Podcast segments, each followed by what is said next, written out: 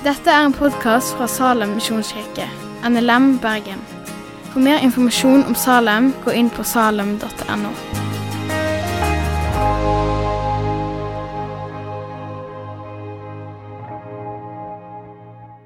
Ja, eh, vi er nå inne i treenighetstiden i kirkeåret. Og det er tiden som er mellom pinse og advent. Og I denne perioden så kommer vi innom veldig mange ulike temaer. Og denne søndagen så er temaet falske profeter. Og Vanligvis når vi er samla her i Salem, så pleier vi å reise oss når vi leser søndagens tekst. Så selv om du sitter hjemme i sofaen, eller kanskje du ennå ikke har stått opp fra senga, så må du likevel gjerne bli med og reise deg hvis du ønsker det, når vi leser teksten sammen. Og Teksten den står i Matteus kapittel 7 og vers 15-20. Vokt dere for de falske profeter. De kommer til dere i fåreham, men innvendig er de glupende ulver. På fruktene skal dere kjenne dem. Sanker en vel druer av tornebusker, eller fiken av tistler? Slik bærer hvert tre god frukt, men et dårlig tre bærer dårlig frukt. Et godt tre kan ikke bære dårlig frukt, heller ikke kan et dårlig tre bære god frukt. Hvert tre som ikke bærer god frukt, blir hogd ned og kastet på ilden. Derfor skal dere kjenne dem på deres frukter. Hellige Far, ditt ord er sannhet. Hellig oss i sannheten. Amen. Eh, teksten vår den er en del av bergprekenen. og Det er kanskje den mest kjente av Jesus sine taler. Den begynner i kapittel 5 i Matteus med eh, saligprisningene. Og så fortsetter han og avslutter med kapittel 7. Og helt på slutten så avslutter han med lignelsen om å bygge huset sitt på fjell eller på sand. Og I løpet av disse få kapitlene så er Jesus innom veldig mange ulike temaer. Og mange av de mest kjente sitatene fra Jesus kommer fra bergprekenen. Jeg skal komme litt tilbake til ett av gjennomgangstemaene Eh, litt seinere. Men vår tekst den kommer mot slutten av bergprekenen. Eh, og Da begynner Jesus å advare om falske profeter. Og Han skildrer de som en total motsetning mellom det ytre og det indre. Utvendig så ser de ut som sauer, men innvendig så er de glupske ulver. Og I språket vårt så har vi noen uttrykk som blir henta fra dette verset. Uh, ulver i fåreklær og skinnet bedrar. Det er uttrykk som uh, bruker dette bildet som Jesus gir. At du kan ikke alltid dømme det indre ut ifra det ytre. Og et godt og uskyldig ytre kan av og til skjule onde hensikter i det indre. En ulv som har på seg et saueskinn, han kan komme helt nærme saueflokken. Og han kan angripe dem og fortære dem før de rekker å komme seg vekk eller forstår hva som har skjedd. Og Derfor advarer Jesus oss mot sånne profeter. En profet er jo en som eh, forkynner Guds ord til folket. Men her er det en falsk profet som forkynner et falsk ord til folket. De er Utvendig ser de ut som de er av Gud, en del av hans flokk, men Egentlig så er de kommet for å fortære oss. Og så sier han at vi skal kjenne dem på deres frukter. Og Ofte når vi hører frukt, så tenker vi utvendige gjerninger. Men den første beskrivelsen forteller oss jo at dette ikke er det ytre det er snakk om. fordi det er nettopp på det ytre vi ikke kan kjenne det igjen. Så disse fruktene det må bety noe annet enn ytre gjerninger. Og I den ene av lesetekstene til denne søndagen så ser vi hva disse fruktene er. For Der står det at vi kan kjenne igjen falske profeter basert på det de bekjenner, og det de lærer. Vi skal ta og lese den teksten i 1. Johannes brev, kapittel 4, og vers 1-6. Mine kjære, tro ikke enhver ånd, men prøv åndene om de er av Gud for mange falske profeter er gått ut i verden. På dette skal dere kjenne Guds ånd. hver ånd som bekjenner at Jesus er Kristus, kommet i skjød, er av Gud. Og hver ånd som ikke bekjenner Jesus, er ikke av Gud. Dette er antikristens ånd, som dere har hørt skal komme, og den er allerede nå i verden. Mine barn, dere er av Gud og har seiret over dem. For han som er i dere, er større enn han som er i verden. De er av verden, derfor taler de av verden, og verden hører dem. Vi er av Gud. Den som kjenner Gud, hører oss. Den som ikke er av Gud, hører oss ikke. Av dette kjenner vi sannhetens ånd og villfarelsens ånd. Så Johannes gir oss de viktigste kriteriene for å avgjøre om noen er en falsk profet, om de har Guds ånd eller villfarelsens ånd. Antikrist sin ånd. Og det er to hovedting. Den ene var at de bekjenner at Jesus er Kristus. Og den andre er at de bekjenner at han er kommet i skjød. Og disse to uttrykkene har et enormt stort eh, innhold. Men eh, kort fortalt så innebærer det at Jesus er Kristus, at Jesus er Messias. Han er den salvede. Han er den profeten og presten og kongen som har blitt lovt at han skulle komme. Altså, det innebærer hele Jesu frelsesgjerning.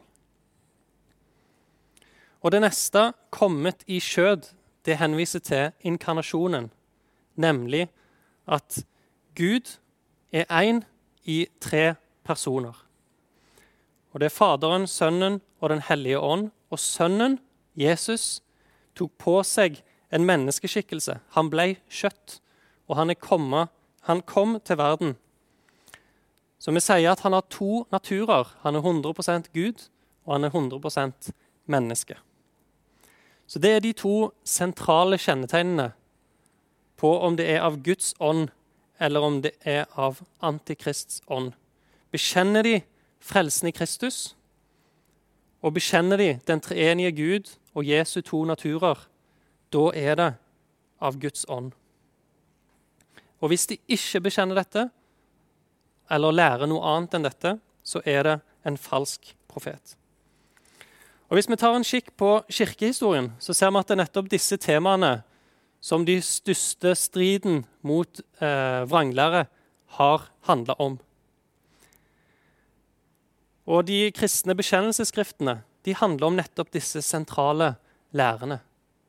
Hvem Gud er, Jesu to naturer, og reformasjonen, der sto jo frelsesgjerningen veldig klart i sentrum. Det er dette som er det sentrale budskapet som Bibelen gir oss. Og det er det som hjelper oss til å skille om noe er av Gud, eller om det er av verden. Hvis vi kommer tilbake til teksten vår i Bergprekenen, så nevner ikke Jesus noen konkrete falske profeter, og han nevner ikke noen konkret vranglere som de kommer med. Det er mer en generell advarsel, og han gir oss et tips om hvordan vi kan avsløre dem fordi de skjuler seg. Skinnet bedrar. Men jeg har lyst til å nevne én falsk lære. En litt moderne form for falske profeter. Og det er en form som ikke kommer med en direkte vranglære. De sier ikke noe som går imot Guds ord når det gjelder læren om Gud eller frelsen i Kristus. Men så sier de heller ikke noe fra Guds ord om disse tingene. Det er rett og slett fraværende ifra deres lære. Det står kanskje i bekjennelsen men i praksis så får du ikke høre om det. Det er en kristendom uten Kristus. Det er en forkynnelse der evangeliet, den gode nyheten, er bytta ut med gode råd. Du får høre loven, kanskje med et smil. Men hvis du ikke får høre at Kristus frelser oss av nåde ved tro alene, så er det en kristusløs kristendom. Johannes skrev jo hver ånd som ikke bekjenner Jesus, er ikke av Gud. Så mangelen på Kristus er like mye en falsk profetisk lære som en feil Kristus. Og Så kommer vi til andre halvdelen av eh, teksten vår. Og I siste delen så henviser Jesus til Guds dom og til fortapelsen. Han nevner at hvert tre som ikke bærer god frukt, blir hogd ned og kasta på ilden. Og Noen har kanskje vokst opp med en, et usunt fokus på dette. Andre har kanskje aldri hørt en tale om det i hele sitt liv. Men dette er faktisk et sentralt tema gjennom hele bergprekenen. Det nevnte jeg innledningsvis, et av de gjennomgangstemaene. Og jeg skal prøve å bruke litt tid på å få fram hvorfor dette går igjen i bergprekenen. For jeg tror det er til hjelp for å forstå vår tekst litt bedre. Og I bergprekenen så setter Jesus seg sjøl som den rette fortolker av loven. Han har disse kjente uttrykkene 'Dere har hørt det er sagt, men jeg sier dere'. Så han siterer Guds ord, og så kommer han med sine egne ord som om de har lik autoritet som Guds ord. Og det har de jo. Men mange av disse lovene som han eh, trekker fram, og som han utvider, eh, de gjør han òg strengere. Og disse lovene, mange av de, de har òg en straff knytta til seg i den gamle pakt. Og faktisk, det med å være en falsk profet det var òg alvorlig i den gamle pakt, i Det gamle testamentet. Det var knytta en dødsstraff til om noen profeterte falskt. Vi kan lese det i 5. Mosebok, kapittel 18.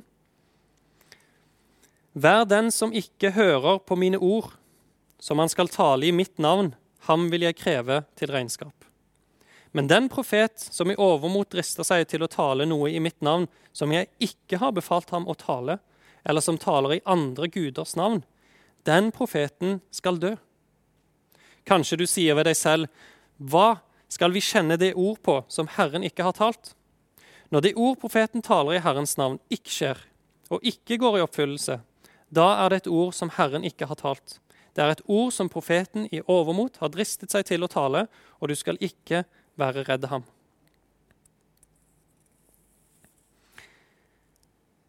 Det Jesus gjør når han går gjennom eh, disse budene, og kanskje et mer eh, kjent eksempel for oss er 'du skal ikke drepe', eller 'du skal ikke slå i hjel', så vi kan ta det som et eksempel. Det er at han utvider budet og gjør det strengere. Han legger til at du har hørt det er sagt du skal ikke slå i hjel. Men jeg sier deg, hvis du blir sint på din bror uten grunn, så er du like skyldig som om du er en morder. Og Noen tenker kanskje med seg sjøl men jeg kunne jo aldri tatt livet av noen, selv om jeg blir sint på folk uten grunn av og til. Men kjenner vi egentlig oss sjøl skikkelig? Er du samme person når du er sulten og trøtt og sliten, som når du er mett og uthvilt? Har du vært i situasjoner eller vært i en omgangskrets som har gjort at du gjør ting du ellers ikke ville gjort? Vi trenger ikke å kunne mye historie for å se at tilsynelatende moralske og oppegående mennesker er i stand til å gjøre forferdelige ting, ofte i rettferdighetens navn. Så Vi skal ta på alvor det at Jesus sidesteller disse gjerningene. For hvis du er i stand til å bli sint på din bror uten grunn, så hadde du òg vært i stand til å slå i hjel hvis situasjonen kanskje hadde vært litt annerledes.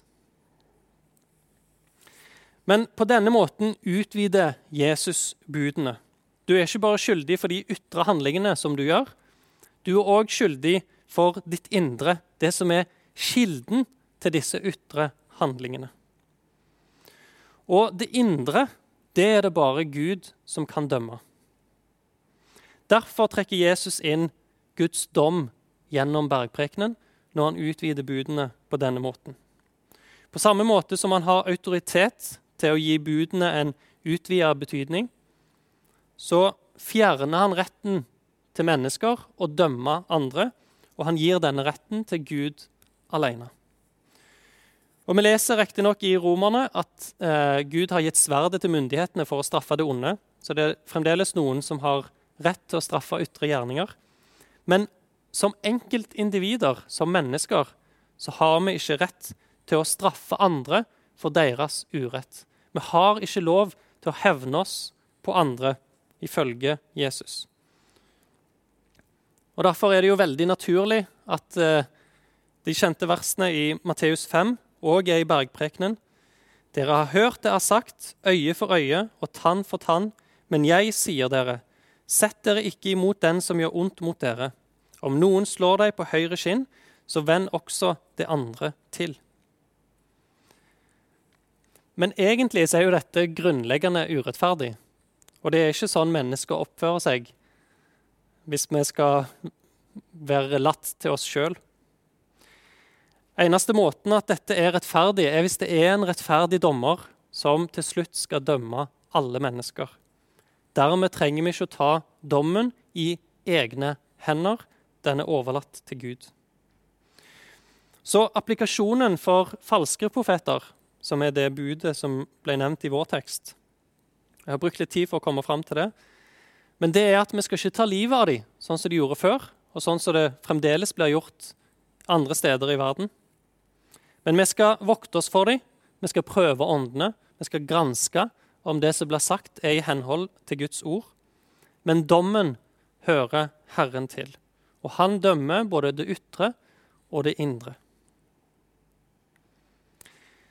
Men når vi ser på Jesu utvidelse av dette budet òg, så oppdager vi et problem.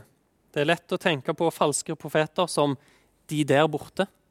De andre, de som lærer noe annet enn det jeg lærer. Men han sier jo bl.a.: Et godt tre kan ikke bære dårlig frukt. Og et dårlig tre kan ikke bære god frukt. Så vi har samme situasjonen som det med å slå i hjel.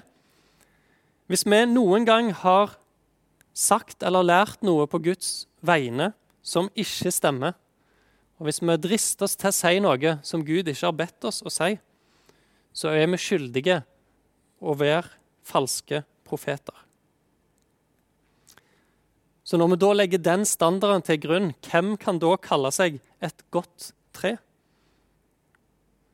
Jesus sier en annen plass i evangeliet Hvorfor kaller du meg god når en mann kaller han god? Ingen er god utenom én, og det er Gud. For det er Jesus, Guds sønn, som ble menneske for oss. Han er det eneste gode mennesket. Han er Kristus, den sanne profeten. Den eneste sanne profeten. Ja, han er ikke bare profeten, men han er òg budskapet. Han er selve ordet. Og han er òg det gode treet. Vi kan lese i Johannes 15, 5. Jeg er vintreet, dere er grenene. Den som blir i meg og jeg i ham, han bærer mye frukt. For uten meg kan dere intet gjøre. Han som er det gode treet, han døde for våre synder på korsets tre. Og han ble oppreist til vår rettferdiggjørelse. Og gjennom troen på Jesus så blir vi greiner på hans tre, og vi bærer mye god frukt. Som vi leste i Johannes brev i stad, at hver som bekjenner at Jesus er Kristus, er av Gud.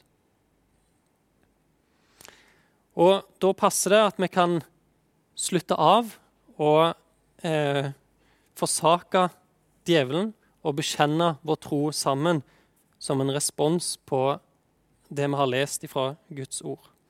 Og igjen så er du velkommen til å reise deg hvis du ønsker det. Jeg forsaker djevelen og alle hans gjerninger og alt hans vesen. Jeg tror på Gud Fader, den allmektige, himmelens og jordens skaper. Jeg tror på Jesus Kristus, Guds enbårne Sønn, vår Herre, som ble unnfanget ved Den hellige ånd, født av jomfru Maria, pint under Pontius Pilatus korsfestet, død og begravet. For ned til dødsriket, sto opp fra det døde tredje dag, for opp til himmelen, sitter ved Guds, den allmektige Faders høyre hånd, skal derfor komme igjen for å dømme levende og døde. Jeg tror på Den hellige ånd, en hellig allmenn kirke, de hellige samfunn, syndenes forlatelse, legemets oppstandelse og det evige liv. Amen. Takk for at du har hørt på podkasten fra Salem, Bergen.